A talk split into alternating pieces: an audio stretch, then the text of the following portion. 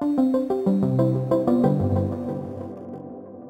hei og velkommen til Ludofilene, Bergen offentlige bibliotek sin podkast om spill. Jeg heter Lasse, og i dag er planen at vi skal snakke om bibliotekenes spillpris.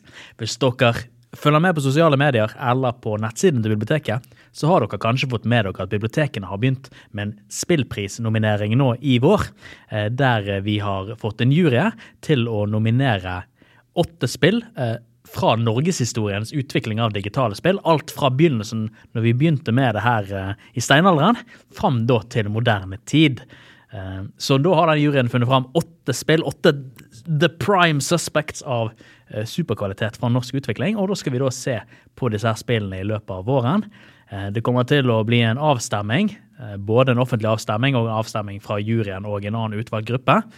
Og til slutt finner vi da ut da hva som faktisk er det spillet som fortjener bibliotekenes spillpris. Eh, De åtte spillene, det er du, du, du, du. Her kan du tenke deg at det er en trommevirvel. Det er uh, Among the Sleep av Credibyte, som kom ut i 2015. Det er Oldboy, som kom ut fra, uh, ble utgitt av Dpad Studio i 2015. Det er Den lengste reisen, som ble utgitt av Funcom i 1999. Det er Anarchy Online, som òg kom ut av Funcom, men det var i 2001. Var det 2001? Jeg tror det var 2003. Da husker jeg feil. Eh, My Child Lebensborn, som kom ut i 2018, så Raptor Studio som utviklet det. Draugen, som kom ut i 2019, og da var det Red Thread Games. Flåklypa Grand Prix, da snakker vi originalutgivelsen fra 2000 av Capricornus, som også har kommet ut av Ran Studio nå i 2021 til Switch. Og Mosaic av Krillbite, som kom ut i 2019. Det er da de som har blitt nominert av juryen. Eh, Med meg i dag, jeg er ikke alene her og skal snakke om dette her helt på ensommen. Jeg har med meg Helene og Grim. God dag. God dag. Hallo! Har dere spilt noen av disse spillene her? Vi kan da begynne med deg, Grim. Er du eh, Jeg vet jo at du i alle fall har spilt to av disse her, men eh, Ja. kanskje du har spilt mer? Vi, vi spilte jo gjennom første timen av uh, Ja, Among der the har vi jo vært innom noen av dem, sant? Ja, Among the Sleep. Eh, så der har jeg spilt i hvert fall en time av. Og så eh, har jeg eh, mange kjære minner eh, fra uh, Flåklypa Grand Prix. Ja, Da er det originalutgaven fra 2000 du tenker? På Ja, PC? ja, På, på, PC CD-rom? PC CD-rom, yes. Windows 95 og Windows 98, antar jeg. Ja. rundt der. Men ellers er dette her um, uh, spill som ikke nødvendigvis har vært i min, uh, min sfære, da. Nei. Uh, jeg, jeg testet vel så vidt Draugen, bare for å sjekke at uh, NFI-spillet funket på PC-en vi har. Uh, og det gjorde det, for så vidt. Og det ser veldig bra ut. Uh, meget eh, em, det ser, veldig, det ser veldig bra ut, og det, det gir meg lyst til å spille det, men det er liksom å finne den tiden da, inniblant alt annet. Ja, der har jo det generelle problemet når det kommer til spill med at vi er jo Vi har det luksusproblemet med at det kommer veldig, veldig mye bra spill. Så da å få tid til å spille det man har lyst til å spille, eller som, som Det er for få timer i døgnet, rett og slett. ja, vi har for få uh, timer vi kan være bak det. det også, eh, jeg, jeg, fikk, jeg sjekket òg gjennom uh, en sånn 35 minutters video om, eh, som snakket om historien til Altså utviklingshistorien og hvordan den ble, det ble mottatt av publikum og den slags til Anarchy Online. Ja. Det virker jo som et veldig interessant, interessant spill. Eh, og eh, det gleder jeg meg til å lære mer om i løpet av eh, disse ukene frem til spillprisen skal ikke nomineres, men Kåres. kåres. Ja, det blir jo Nå fram til spillprisen skal kåres. Den skal kåres den 7. mai, er det korrekt, Helene? Ja, 7. mai. Så det er jo fremdeles en stund igjen. Har vi satt noe dato på avstemmingen ennå? På når den folkeavstemningen skal begynne å avsluttes? Eh, den skal starte i begynnelsen av eh, mars og gå igjennom mars og april. Ja, men da kommer vi til uansett å dele masse informasjon på nett om dette her når eh, avstemningen blir aktuell. Så da eh, er det bare å følge med på sosiale medier. Eller ikke følge med, vi kommer til å overøse dere med informasjon uansett. Så hvis dere går glipp av det, så må dere nok sikkert ha koblet dere løs fra nett. Mm. Dette her er uansett det er viktig å stemme, og det er kult å stemme, så jeg håper dere kommer til å gjøre det. Da kommer dere til å tegne en liten stjerne i boken ved siden av i passet deres, rett og slett. Om at dette her er noe dere har gjort, og da kommer, når dere nå kommer reiser eh, i, i post-covid-verden, reiser på reise til f.eks. Shanghai, og de ser den lille stjernen i boken, åh, de kommer til å få spesialoppvartning, jeg lover. Jeg er ikke nødvendigvis veldig glad i eh, folkeavstemning. Jeg vil jo ha proletariatets diktatur, men akkurat i denne eh, prosessen så skal gjør man noe unntak. Ja, det, er, her Her foretrekker du altså ekspertene over folket.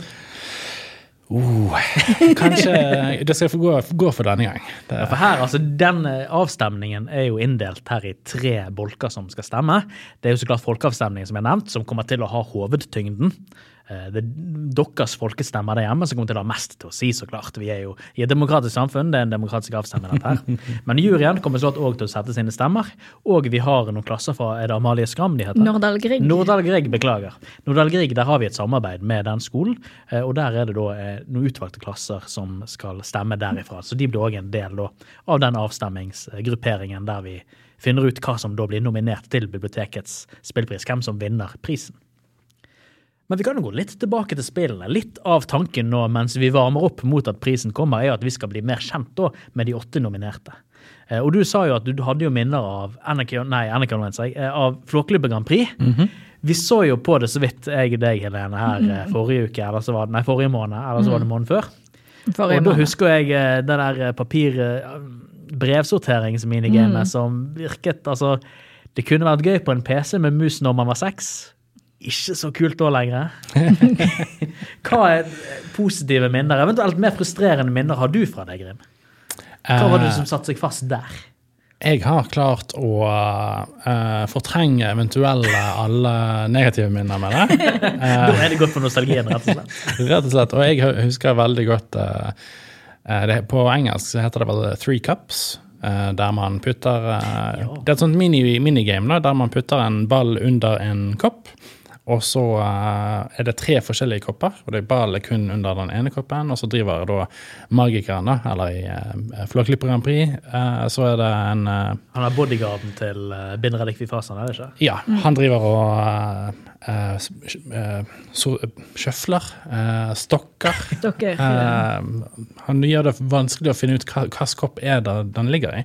Men hvis du har et eh, nøye øye, så kan du, eh, kan du følge med og så prøve å se. Det var alltid gøy å så prøve å komme langt der, da, for det går fortere og fortere. eh, og det blir vanskeligere og vanskeligere. Jeg husker jeg gjorde det ganske greit på det i min, i min ungdom, men uh, Prøvde du dette her i virkeligheten? Kanskje prøvde du å lære deg dette her og kanskje stjele noen penger fra kompisene dine? Nei, men jeg har uh, all, all, uh, I alle disse episodene fra uh, Penn and Teller Når de skal liksom Hva er det showet heter, da? De, skal ha sånn, de har inne tryllekunstnere som skal prøve å lure Folas. Ja, skal de, av, ja, skal de avsløre det, ikke sant? Ja, eh, Penn and Teller skal prøve å finne ut hva, hvordan har denne magikeren gjort dette, dette tryllekurset. Tryll, tryllekunsten. Eh, Så det er alltid, jeg har alltid en forkjærlighet for de der sleight of hand-magigreiene. der de har liksom en kopp, og så plutselig så kommer det ut en vannmelon av den koppen. Og bare, wow, hvordan, hvor gjemte han vannmelonen? Hvordan? Og så, ja. Så jeg har ikke prøvd det sjøl, men eh, jeg, eh, det har blitt med meg resten av livet. Disse- Kan du noen, kan du noen trilletriks? Speaking of. Jeg kan, eh, jeg kan så vidt uh, trille liksom mynten mellom klokkene. klukkene. Det er på, eh, stilig. ja. Men bare én vei. Jeg kan, jeg kan ikke få den begge veier. Men er det noe du har lyst til å lære deg? Har du en ny hobby på gang her? Har, det er alltid litt sånn eh, når jeg ser disse her uh, Fola, så har jeg alltid lyst til å prøve å lære meg liksom, ok, hvordan kan jeg holde en, po en pokerchip uh, i uh, håndflaten uten at noen ser at jeg holder den, og så videre. Men så tenker jeg åh, nei, dette tar for lang tid å lære seg. Ja, nei, det er jo sånn typisk kult sånn triks å kunne. ja, ja. Partytriks eller svindeltriks. Ja, ja. Så hvis man tenker, Kan man noe sånt, så har man liksom en ekstra, en ekstra fot å lene seg på når livet går mot deg. Ja, absolutt. Ut på gaten, eh, ta opp uh, flippebordet, og så er du klar. Mm. Fordommene mine sier at dette Jeg har jo aldri vært i Syden hvis man tenker på Spania og, og Italia og, og Hellas som typisk sydensteder. Eh, Jeg har aldri vært der på sydenferie. Mm. Men min fordom sier at dette her er sånn som gateselgere i Syden gjør for å, å svindle penger fra, fra turister. Jeg vet ikke om dere har vært i Syden. Er, dette, er fordommene mine rette, eller er jeg bare helt ute og kjører? Min tur i Barcelona var ikke en bekreftende anekdote for, eh, for din Du så ingen som forsøkte seg med dette koppespillet der, altså? Ikke så vidt jeg så. Nei. Hva med deg, Helene? Har du vært i Syden og opplevd noe sånt? Nei. Nei, da er det nok kun mine fordommer som her eh, skinner gjennom, så det må jeg ta med meg videre at jeg er fordomsfull eh, akkurat på dette her. Men du har, spilte jo òg Flåklypa Grand Prix sammen med meg eh, nå rimelig nylig. Men har du òg spilt det lengre tilbake, kanskje? Det har jeg. Jeg spilte det originale, og så har jeg vel også spilt den 2010-versjonen til Ja, det kom jo på Nintendo DS til 2010. Ja. Så jeg har prøvd meg på alle tre. Hadde du en preferanse hva som var den beste utgaven? Eller var det liksom mye det samme? Nå vil jeg jo ikke si at uh, opplevelsen egentlig når vi spilte det første timen av, uh, gjelder så veldig fordi at vi hadde tekniske problemer, så jeg brukte én Nintendo Switch-kontroll. Ja, der var jo kontrollen frustrerende. Det, det husker jeg. Uh, så litt sånn akkurat på det der. Men eh, mitt sterkeste minne, det er den postsorteringen. Det er det som har brent seg inn fra den originale. Som er traumatisk, eller som et, som Nei, så veldig gøy. Okay. Så derfor var det veldig frustrerende når det var liksom så vanskelig med den. Men jeg tror det var fordi at jeg holdt på bare med den lille kontrolleren. Ja. Uh, men jeg har sånn generelt bare Altså, det, jeg føler at det var et av de første spillene. Som du jeg- spilte? Ja. Ja. Det er sånn det sammen med type sånn Josefine-spill. Altså disse her liksom, det ja. ja, når man fikk mye edutainment, men Ja. dette her var noe annet. Dette var noe annet. Dette var liksom ikke at jeg skulle lære meg å regne eller lese engelsk eller Ja, det var jo faktisk spill for spillopplevelsen Ja. er Så, så det, jeg tror det er Uten at jeg husker helt nøyaktig, så tror jeg i hvert fall det er et av de første som jeg har. hva tenker du, Grev? Eh, men Dere nevnte jo, nevner jo dere spilte jo dette forrige måned. Jeg fikk dessverre ikke vært med, men eh, er kontrollfrustrasjon Er ikke det en touchskjerm på den switchen? da?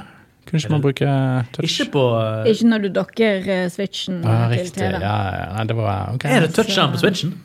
Ja, ikke det, er man hver dag. Hvis dette er sant, Det er da- sant, ja. Yes, yes. Det er touchskjerm. Så fordi at vi skulle dele dette her med resten av eh, i den vide verden, så Ja, og så tror jeg det hadde vært lettere hvis jeg hadde sittet der med to kontrollere Ja, eh, og brukt to eh, joysticker og litt sånne ting. så- Men jeg brukte bare den ene halve som en sånn mini. Og da ble jeg ikke Og så kunne jeg sikkert ha gått inn i innstillingene for sensitiviteten på eh, joysticken. Altså det er mye jeg kunne ha gjort, er vel egentlig det som er Ja, men når man sitter der med tidsbegrensning og ja. et, et, eh, stormende tusenvis av livepublikummere som ønsker at alt skal være som man vil eh, Tusen, tusen, tusenvis. så blir det så klart at man må, man, man må klare å prestere med det man har tilgjengelig. Men jeg er overrasket over at du ikke da var med og fulgte med. Du hadde jo ferie. Du var iallfall ikke her. eh, Riktig, ja. Jeg hadde, jeg hadde ferie, så da, Så da var du i Syden og du drev på, hadde frem det lille bordet og drev på og kjøpte rundt i de koppene og tjente gode penger. ikke sant? Three Cups i Barcelona. Det var uh, Find me on uh, Trafalgar Square. Det, Men det er så klart, det er jo ikke kun Flåklypa Grand Prix som er nominert. Det er jo kun én av åtte. Nå nevnte du så vidt at du hadde sett en sånn video om Anarchy Online ja. eh, nå eh, for litt siden. Og det er jo en av de nominerte. Dette her var jo Jeg har lyst til å si det første MMORPG fra Norge. Det er i hvert fall det første science fiction-MMO-RPG I det hele tatt. Skal jeg nesten. Ja. For altså, før det så var det vel egentlig um, uh, så klart Ultima Online og EverQuest, som egentlig var de MMORPG-ene som fikk noe særlig oppmerksomhet av Mm. noe særlig brukerbar. Så om det var flere MMORPG-er på de i tiden før uh, Anarchy Online kom, det skal ikke jeg si, altså, jeg har ikke full oversikten der. Men jeg husker NRK Online når det kom, altså, for da var, jeg jo jeg, da var jeg jo langt inn i EverQuest-verden, Mm. spilte mye MMORPG-er borte på Netropolis, som var da en nettkafé som var her nede i Bergen sentrum. Ja, ja, ja. Ja, veldig koselig, veldig sosialt. Borte Eh, med Korskirkemeldingen, sant? nei, ikke Korskjøkken, det var noe annet som kom seinere. Ah, ok. Men det var borte med, med, med Sentralbadet. Å ja. Med, med Konsertballet Sentralbadet, så var det da det som er en begravelsesagent nå, passende nok, var da en nettkafé før. Kjempe, kjempekult. Uansett, der var det da så klart jeg spilte Evercast på den tiden, men så kom jo sånn cirka i 2001, når spillet kom, så kom det òg NRK Online. Så prøvde jeg det noen ganger. Dette var jo litt kult. og da er det liksom litt mer eh, science fiction-fokusert, så klart. Det er jo det som settingen er. Men spillet fungerte på mange måter som EverQuest, men mindre, litt mindre gruppefokusert, etter min opplevelse iallfall. Men jeg vet ikke hvordan du så det på denne Primer-videoen din. Hva var det du fokuserte på? Var det gameplay, eller var det mer på historie og meta? Altså hva? Det var mer eh, Det var en gjennom, gjennomgang av uh, uh, hvordan spillet ble til, utviklingshistorikken, og uh, hva som på en måte har skjedd med spillet siden. Og hvor, hvor ofte det kom oppdateringer. og det, En av de tingene var jo litt morsomt at de det var en sånn grafisk oppdatering som ikke kom før sånn ni år etterpå. eller Ja, for dette her er jo kjempemorsomt. er at uh, Alan Online det kom i 2001, men det er fremdeles aktivt. Ja. Du kan eh, finne det på Steam. Yes. Det, er det, det tok meg litt overraskende. Absolutt meg fordi også. at uh, Anarchy Online for meg var eh, ganske nytt når jeg så det på nomineringslisten. Og så gikk jeg nå inn, og så fant jeg at å ja, det er fortsatt aktivt. Eh, det er veldig positivt overrasket. Ja, for dette her eh, er jo, altså, on, eh, MMOPG-er er jo online spill der man kobler seg til en server og spiller med mange andre spillere på internett. Eh, Men de er jo avhengig av at noen faktisk drifter disse serverne. Eh, Så veldig mange MMOPG-er de, de fungerer en stund, og så bestemmer da det firmaet som styrer de at ok, nå har ikke vi nok kundebase lenger, nå har ikke nok interesse til å fortsette dette, her, så nå avslutter vi spillet. Og da går det ikke an å spille lenger. Selv om du har kjøpt spillet sjøl og du har platen eller hva som helst hjemme, så kan du ikke koble deg til serveren, og du kan ikke spille det lenger. Så eh, sånn som det er, Jeg nevnte jo Ultima Online og EverQuest tidligere. EverQuest er fremdeles i gang. Eh, det får fremdeles expansions, det er helt sinnssykt. Men sånn som EverQuest 2, som de kom med senere, det tror jeg har blitt avsluttet. Eh, Så det var jo ikke i nærheten av så vellykket. Eh, Ultima Online det er jo også blitt avsluttet. Jeg er ikke sikker på om det er offisielle servere, men der er det jo mange eh, private servere som det går an å bruke. Så det går jo an å spille spillet med sånne custom-klienter, så det er jo ikke helt dødt. Eh, Det, sånn er det jo òg på en del eldre MMOPG-er som har blitt sluttet med at folk har laget sine egne private servere. Men en del der har nok en del problemer med loven, fordi ikke alle firmaer er like glade i at sånt skjer. Eh, Nei. Blant annet en del sånn private eh, World of Warcraft-servere som jeg vet om, det er jo òg et MMORPG. Der har jo Blizzard vært veldig aggressiv på å, å hindre folk i å være disse åpne. Eh, men at da faktisk NRK Online faktisk er aktivt fremdeles, noe som MMORPG-er gjerne ikke er etter sin utløpstid i gåseøyne, Ja. det er jo kjempekult. Absolutt. Så det, absolutt. det, jeg tenker av den listen av de åtte nominerte her, de, eh, de syv andre er jo rimelig konvensjonelle spill, men NRK Online tenker jeg er det som er mest utypisk av disse. her. Og for meg blir mest spennende å da igjen oppleve da 21 år etter sist gang. Hadde du spilt noen flere av disse her, eh, Helene? Jeg har spilt uh, Among the Sleep. Eh, vi har Det spilte vi jo òg på første timen. Ja, vi har gjort her første timen, men uh, før det så har jeg spilt igjennom det fullstendig. Eh, og så har jeg spilt uh, Owlboy Ja. av D-pad. Um, Ja, vi kan vel snakke litt om Owlboy. Vi hopper over mm. Magnus Sleep, eh, for nå har vi jo allerede gitt en hel time til det på første timen. Altså akkurat nå tar ikke vi å gi det så mye tid. Men Owlboy, hva tenker du om det? Owlboy er et veldig gøyt spill, syns Ja, jeg. et veldig fint Eh, spill. Det er veldig fint. Eh, Det er sånn noe med bare hele uttrykket i det spillet uh, syns jeg bare er ganske så fantastisk. Eh, og. Det er en stund siden jeg har spilt det. Jeg tror jeg spilte det netten når det kom ut, eller noe sånt. Så jeg husker ikke sånn eh, alt rundt det, så jeg skal ikke påstå noe der. Men eh, jeg husker at jeg likte det utrolig godt. Eh, veldig gøyt. Og så er det jo litt kjekt da, som eh, at eh, det er et eh, spillselskap fra, som holder til på Askøy. Ja, det, de er superlokale. De har vel kontor på Askøy. eh, som er nominert òg, så det er veldig gøy. Eh, ja, men eh, nei, Oldboy er jo eh, det, det defineres vel som et plattformskytespill, eh, tror jeg, eh, sånn i utgangspunktet det. Men det er jo en veldig forenklet definisjon Ja, som er fokuserer veldig, på mekanikken. veldig enkelt. Uh, Det er jo mye mer i spillet her. altså Det er jo mer enn en Super Mario 1. dette. Det, det er det. Uh, og det er veldig det er veldig fin historie og rundt det hele, og ja. Mm. Det ja, kan, eh, det, det er ikke så veldig mye mer eh, sånn jeg kan si sånn umiddelbart. Nei, du, må, du må eh, ikke spoile det heller. Nei, det, det For jeg har fått med meg at Historien er jo, er jo en veldig viktig del av Ja, opplevelsen. det- og det det skjer er- en del sånne plot twists der som man må oppleve på egen. Ja, det, det er akkurat det, og da, jeg syns alltid det er så vanskelig å få snakke om sånne spill som jeg har likt veldig godt, men så Du må nesten spille det for uh, Ja. Ja, for det, altså, det er jo spesielt spill som uh, fokuserer veldig mye rundt historiefortelling. Så er jo opplevelsen av historien er jo en veldig stor. Ja. del av opplevelsen. Sånn som jeg, eh, Hvis dere leser på de eh, Best of-listene til biblioteket, hvert år lager vi jo en liste over de beste spillene vi har spilt det siste året.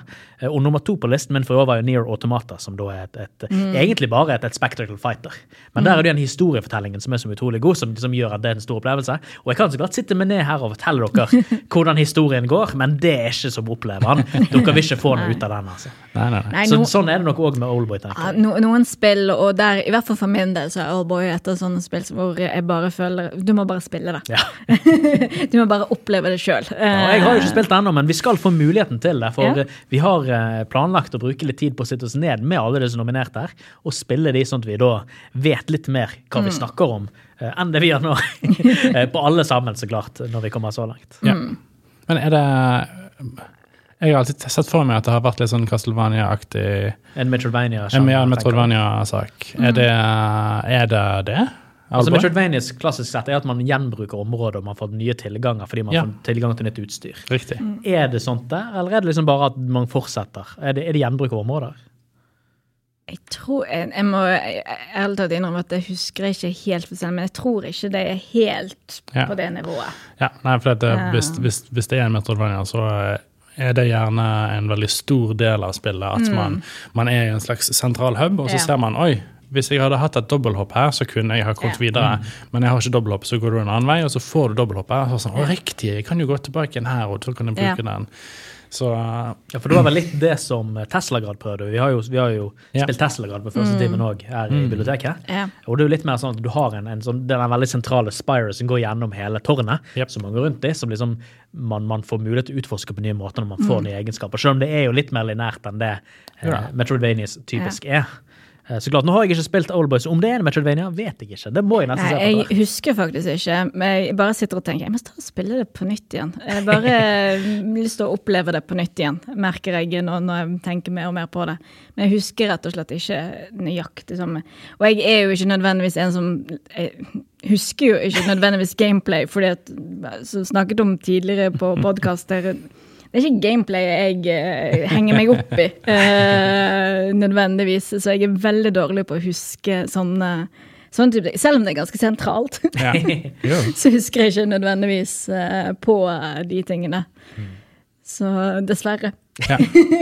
Jeg føler Det er kanskje en annen diskusjon for deg, men det er jo litt sånn Gameplay har en stor effekt på hvordan man husker spill Jeg føler jeg. Når, jeg vet ikke om dere har spilt eh, Inside og eh, Limbo. Nei, jeg har, jeg har sett pakken deres, så jeg vet hvordan Ja. de ser ut, men jeg har ikke spilt det. Ja, det er jo en eh, jeg hold right to Mm. uh, complete simulator. Ja, det, det, er jo ikke, det er jo en historie som foregår, sant? men det er litt sånn, og så er det litt hopping, det er litt plattforming. Men du skal den veien. Det er til høyre du går, liksom.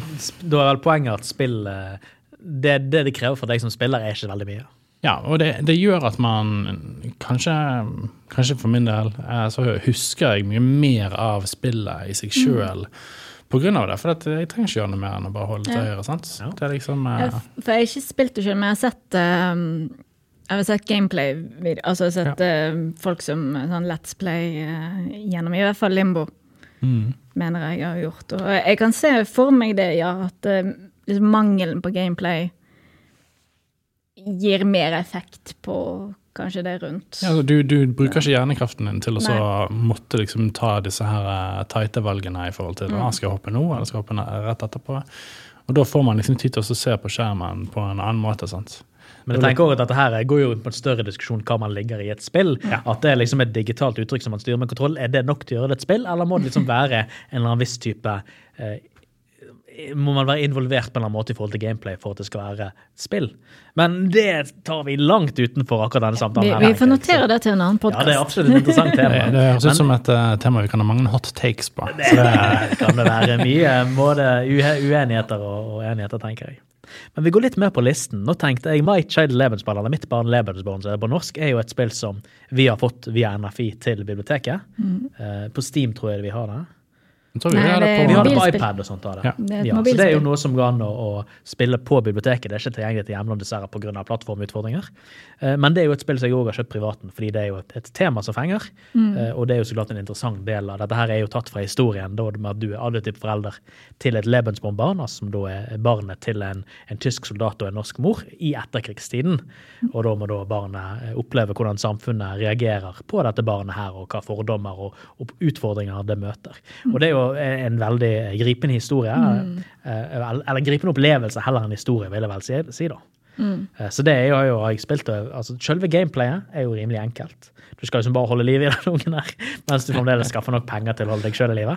Det er egentlig det korte og det lange på hvordan spillet fungerer. Men så er det jo ting som skjer i hverdagen din, ting som skjer i hverdagen til da det adoptive barnet ditt her, og ting som skjer tilknyttet da hans bakgrunn, eller hans bakgrunn. Eh, Så det, det i, det, i hel, helheten er jo at det skaper en veldig god, eh, forbilledlig eh, de, de, En god beskrivelse på hvordan denne situasjonen kanskje kunne vært i en sånn familie eh, etter krigen. Ja, jeg tror mye av For det er jo også et av de spillene som jeg har eh, spilt, og det er jo Jeg får i hvert fall veldig inntrykk av at eh, det, det speiler et veldig godt sant bilde av hvordan veldig mange av disse barna opplevde Norge i etterkrigstiden. Eh, og sånt. Og det er Du får også liksom uh, For eksempel at barnet er kommet hjem, og det har blitt snakket til av Altså det kan være voksne eller det er barn, og så skal du svare barnet ditt på sånn Du skal jo være god forelder i Ja, tillegg til er å spille det- en det- simulator. sant? Ja, det er veldig Altså, det er hjerteskjærende spill. Ja, her kommer liksom ungen hjem av blåmerke og spør hva skjedde. Nei, det har ikke skjedd noe. Så sa du å grave litt dyr, og så Mm. ja, nei, de der de mobbet meg og kalte meg tyskerung, og så sa Ja. jeg til læreren, og læreren sa men jeg vil ikke hjelpe deg. Ja. Og hva, hva, hva skal du liksom gjøre da? Så Ja. snakker du med læreren, hvorfor har du gjort noe? Så sier læreren ja, men sånn er det bare. Ja. Og så snakker du med rektor, og rektor har ingen forståelse. Ja. Mm. Så sitter òg du der like maktesløs. Du kan ikke hjelpe barnet ditt, eller dette her skjer. Ja, ja. Så det er jo absolutt en, en, en beiksvart opplevelse. Mm. Fikk ikke dette spillet òg en, en BAFTA? Jo, Det tror jeg nok. det gjorde Det det. har vært nominert, iallfall. Jeg husker, eh, jeg husker det var eh, mye diskusjon ja, om det bare var en nominasjon eller om det var eh, en faktisk kåring, men det var i hvert fall mye snakk om det Eller mye og mye. Det var, snakk, det var noen som nevnte at hadde dette vært en film, så hadde alle mediene snakket om det, men fordi at dette var et spill, så var det litt sånn Det var kun et par et par nettsider som nevnte det i det hele tatt, at det hadde blitt Uh... Ja, Der har du en, en del av problemet med, med spillmediene generelt. Det er jo at altså, det kun får oppmerksomhet hvis det er negativt. Ja. Eller det er iallfall sånn eh, fordommene mine videre snakker, og da har vi jo allerede fått med oss at jeg er veldig fordomsfull. Ja, det, det vant uh, Games Beyond Entertainment-kategorien ja. ja. i 2019. ja, det er jo supernett. Så det, ja, men jeg er enig med det at jeg tror det hadde fått enda mer oppmerksomhet hadde det vært eh, noe annet enn et spill. Um, igjen en eh, diskusjon for en annen eh, gang, tenker jeg. Men um, nei, Det ser ut som er mer syting og klaging for vår side enn diskusjon.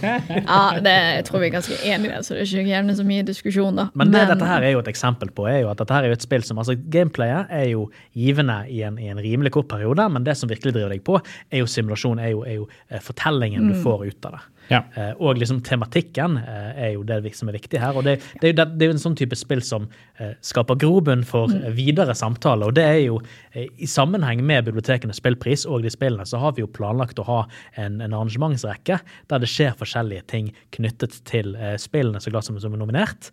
Men ikke kun bare til spillene, det er òg til en større, videre forståelsesramme eh, som de kan være knyttet til. Ja. Og det er fordi at jeg tenker at Og jeg tror vet ikke om det har vært tanken til de som har lagd uh, Mitt barn Levensborn, men det er jo Jeg tror ikke det er veldig mange barn og ungdom i dag som Altså, jeg husker når jeg gikk på barne- og ungdomsskolen, og vi hadde om andre verdenskrig og ettertiden, uh, etterkrigstiden og sånn. Vi lærte ikke om de såkalt er tysker, ikke noe spesielt. tyskerungene. Ikke noe spesielt. Eh, Det var noe jeg lærte om i, når jeg ble eldre og tok historie på universitetet. Det var da jeg egentlig fikk med meg at hvordan det hadde vært. At det var en greie, og de fordommene og ja, alt det rundt det, da. Så det er jo en Ja, som du sier, det er veldig godt Ja, det er kanskje en kort periode du spiller det spillet, men jeg tror for veldig mange som ikke vet noe om dette, får liksom øynene opp. fordi at igjen, jeg tror det er en veldig god representasjon av hvordan veldig mange opplevde det. Ja, da, så ser du også, Siden du sitter der med spillet sjøl, du skal være adoptiv forelder for dette her, eh, for, for eh, Klaus eller Kari, eller hva det heter, mm. så får du da en mye personlig opplevelse av dette her. Mm. Og siden det er en rimelig kort spillopplevelse, eh, så er jo det noe som egner seg veldig bra for som sagt, i undervisningssammenheng og den type ting. Og de har vel blitt brukt, eh, eller har vært altså, skoleutgaver av Ja. dette spillet her som ble brukt til utvis, utvisning. Nei, det håper jeg ikke. Til, til undervisning i diverse skoler her i Norge. Ja, Så det det- er jo noe som har vært tatt i bruk. Ja, jeg tror det er blitt brukt veldig mye Mm. eh, av mange skoler eh, og sånt. Så det Så, For å skape den samtalen. ja, og det er, som, som Helene nevnte, så er jo akkurat den delen av eh, etterkrigshistorien er ikke noe som har kommet veldig godt fram i, i, i min eh, utdanning heller. Nei, det, det er jo ikke snak- altså, de snakket jo om tyskertøser, alt med sånne Ja. Mm. eh, damer som hadde forhold med tyske soldater, oi, oi, forferdelige ting. Men akkurat ungene deres var det aldri noe særlig Nei, snakk om. det er jo typisk greie med at man snakker ikke om det man gjerne er flau over. Vil du tro at folk er flau over at man har oppført seg sånn mot barn? Ja, det er litt Det er sånn som jo- man snakker ikke om, om eh, assimileringen av samene samene Ja. heller. Det, det er en det er jo igjen sånn, sånn ting som kollektiv flauhet Ja. som man bare dytter litt vekk. Ja, fordi vi har jo ikke lyst til å snakke om det. Å være flau for eh, folkemord, det er jo litt Ja, men det, La oss det, gå videre. det, Kanskje, kanskje skam er bedre, bedre ord enn fløyt. Men ja, igjen, dette her er veldig, det- peker på et veldig viktig tema, en viktig del av historien, og de gjør det på en veldig god måte, uten at det går på bekostning av spillet. For det er igjen det som er det viktigste for meg, er at spillet i seg sjøl fremdeles er verdt å spille, sjøl om eh, det tar for seg et godt tema. Temaet må ikke overskygge gameplay. Temaet må ikke overskygge eh, spillgleden. Og det gjør det ikke her. Spillet er kjempegøy. ja, det, det er sånn, selv om det blir brukt i undervisning, sånn, du får ikke den følelsen at dette er lagd for Nei, det, det, undervisning. det er ikke entertainment nei. eh, som er et begrep som jeg ikke Ja. liker noe særlig. Så ja, det, du får liksom ikke den følelsen at det er lagd for en spesifikk grunn, annet enn å ta dette opp Ja. som et tema i et spill. Altså, ja. Eh, Nå må du, hvis du kan sjekke klokken, Grim. Jeg er ikke sikker på hvor lenge vi har snakket nå, men vi har så klart tid til å snakke med litt. Vi får ikke snakket om alle de nominerte i dag, tenker jeg. Eh, Men litt eh, klarer vi å snakke med. Eh, Hva spill er det vi har gått gjennom? Eh, Har dere noen opplevelser av disse 80 nominerte som vi ikke nå har så vidt nevnt? Jeg tenkte jo eh, et av de vi ikke har vært inne på på noen som helst måte, er jo ja. Den lengste reisen. Ja. Funcom sitt eh, breakthrough, hvis jeg vil kalle det, fra Ja. 1999. Det er mm, ikke et spill som eh, Altså, eh, når det spillet kom ut, så var jeg seks år gammel. Eh, så det er ikke et som jeg har et veldig stort forhold til, men det er sånn nesten myteomspennende spill jeg har hørt om. Ja, det er absolutt. Altså, det, det var jo der eh, Du kan si at Funcom er jo de som har vært trailblazers mm. for norsk spillutvikling. Det er jo de man vet om hvis man ikke vet om norsk spillutvikling. Mm. og det er jo eh, gjerne Funcom òg som har eh, Det er de som man er kjent med fra 90-tallet. På grunn av Den lengste reisen. Ja. Men du har ikke spilt spillet, sa du? Jeg har ikke spilt det. Eh, det har jeg ikke. Jeg har så vidt vært innom eh, en av oppfølgerne. Som er Mm. Ja, for det er jo Drømmefall som Ja. Drømmefall. eh, Som er vel Funcom og Red Thread Games. Det er jeg usikker på, men jeg kan som har gjort samarbeid mm. om de videre i det universet. Red Thread Games holder fortsatt på med universet mm. i samarbeid med Funcom. Eh, som da Drømmefall og Dreamfall Drømmefall-kapitler. Chapters er jo Ja, en, en, en og litt sånn, da.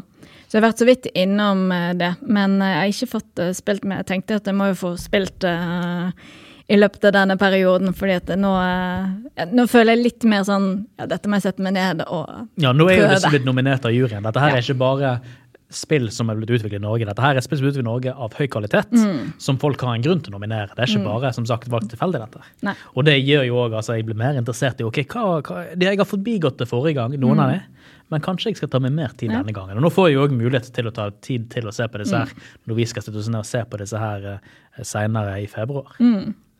Eh, Men jeg har heller ikke spilt Den lengste reisen, eh, til sikkert mange store sjokk og forbauselse. Men jeg gleder meg òg til å se det, da. Ja. Men det blir òg kanskje det spillet som blir vanskeligst for oss å prøve. For dette er jo fra 1999. eh, Så det er jo utgitt på eldre PC-plattformer. Det er på Steam. Er det originalutgaven eller den nye? For jeg tror det er en oppusset utgave òg, skjønner du. Um, jeg, vet, jeg vet ikke helt nøyaktig, men mm. du kan finne The Longest Journey, Ja. Som står at den er fra 1999. ja, da håper jeg at det er den Så det altså. skal Det ser i hvert fall ut som at det er originalen. For du finner det, og så finner du selvfølgelig Drømmefall eller Dreamfall i Ja, tillegg, da. Men jeg tror nok at det, det skal være det. Ja, Men ellers, hvis vi ikke klarer å finne originalutgaven, så må vi nok eh, be våre venner ta og grave gjennom eh, eh, skapene sine og gamle kasser og sånt, og se om de finner den PC-CD-rom til Windows 311 eller Windows 95. som eh, da har drømmefall Nei, ikke drømmefall, men den lengste reisen på. Det blir spennende å finne ut av. Ja. Ellers er det vel eh, mosaikk og Mosaikk, draugen vi ja. ikke har eh, sagt noe særlig om i det hele tatt. Du har vært så vidt innom eh, Draugen. Ja, jo. Eh, for jeg har ikke noe mer Jeg også Jeg husker når det kom ut, og jeg så trailer og sånt, og var, ble veldig sånn Veldig kult. Oh, Ja, ja. Hva er dette? Ja. Eh, så Det- jeg er veldig det spent på klarer det. å fange den der, både både den litt sånn her nasjonalromantiske ute på landet-stilen og den 20-tallsestetikken veldig godt. Ja. Ja, så jeg eh, har ikke fått prøvd det, men jeg er veldig spent på å få prøve det òg. Mm. Uh, og mosaikk òg er en sånn som uh, jeg har eh, tenkt at jeg må, før det ble nominert òg, tenkt at jeg skulle få prøvd den, bare ikke kommet så langt, eh, rett og slett. For det også virker eh, Det er jo noe som eh, juryen har eh, kommentert med begge spillene fra Krillbite som er nominert, og det er stemning. Ja. Krillbite er veldig god på stemning i spill. Og sånn som Among the Sleep, som er også veldig god sånn på stemning, så skal visst ikke være det også. Og jeg likte Among the Sleep veldig godt, så jeg eh, gleder meg til å få prøvd eh, Mosaikk òg. Det ser jo veldig Altså alt av det det jeg har sett av trailer og bilder, alt, det ser jo bare stemningsfullt ut. ja, nei, For det jeg har sett fra mosaikk, så ser det ut som, som eh, den norske kontorarbeideropplevelsen. Man lever i en grå verden, man har en grå jobb å gjøre, går til den grå hverdagen. ja, det, men Så jeg, jeg forventer jo at dette skal være deprimerende. Ja, men det kan være et godt spill for det. Ja, det, det, det kan være en stemning, det òg. Ja. Men det får vi se på. Det er det kidsa kaller hashtag mood, ikke det? Det kan være. Jeg vet ikke hva kidsa gjør på TikTokene sine. Men da begynner det egentlig å nærme seg slutten på dagen, så jeg tror vi må ta og gi oss der.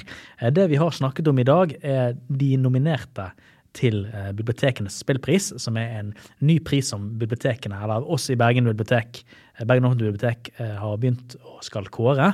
Håpet er jo at dette her blir en årlig eller noe pris, men for øyeblikket er dette bare et testprosjekt der vi ser hvordan dette fungerer. Vi forsøker å etablere en modell, og så skal vi så klart komme fram til en avgjørelse på hva vi syns da er bibliotekenes Eller vi skal hjelpe å nominere eller avgjøre hva som blir bibliotekenes nominerte og den faktisk prisbelønnede spillet fra norsk spillutvikling. Ja, så vi håper at eh, dere vil eh, være med oss på denne reisen gjennom våren. Ja da, for i tillegg så klart, det viktigste dere gjør, er jo å stemme når vi kommer til stemmetiden i mars-april. Men vi kommer jo til å legge ut mye informasjon, mye drypp, har mye arrangementer tilknyttet dette her, som vi forhåper at dere òg har lyst til å få med dere og være med på. For dette her er jo mye mer bare en avstemning, det er jo en feiring av norsk spillutvikling. Ja, og det, da må våre lyttere sette av datoen 7. mai. 7. mai er den dagen prisen blir bestemt hvem som vinner. Så den bør dere markere i kalenderen allerede. Det er lørdag 7. mai. Det blir større enn den dagen som kommer ti dager etterpå. det kan jeg love. Men da må vi nok gi oss her for i dag. altså. Jeg heter Lasse. Dette her har vært eh, en podkast Ludofilene, der vi har snakket om bibliotekenes spillpris. Med meg i dag er Helene og Grim. Takk for at dere var med meg. Selv takk, Lasse. Selv takk. Vi får snakkes neste gang vi snakkes. Ha det bra. Ha det bra.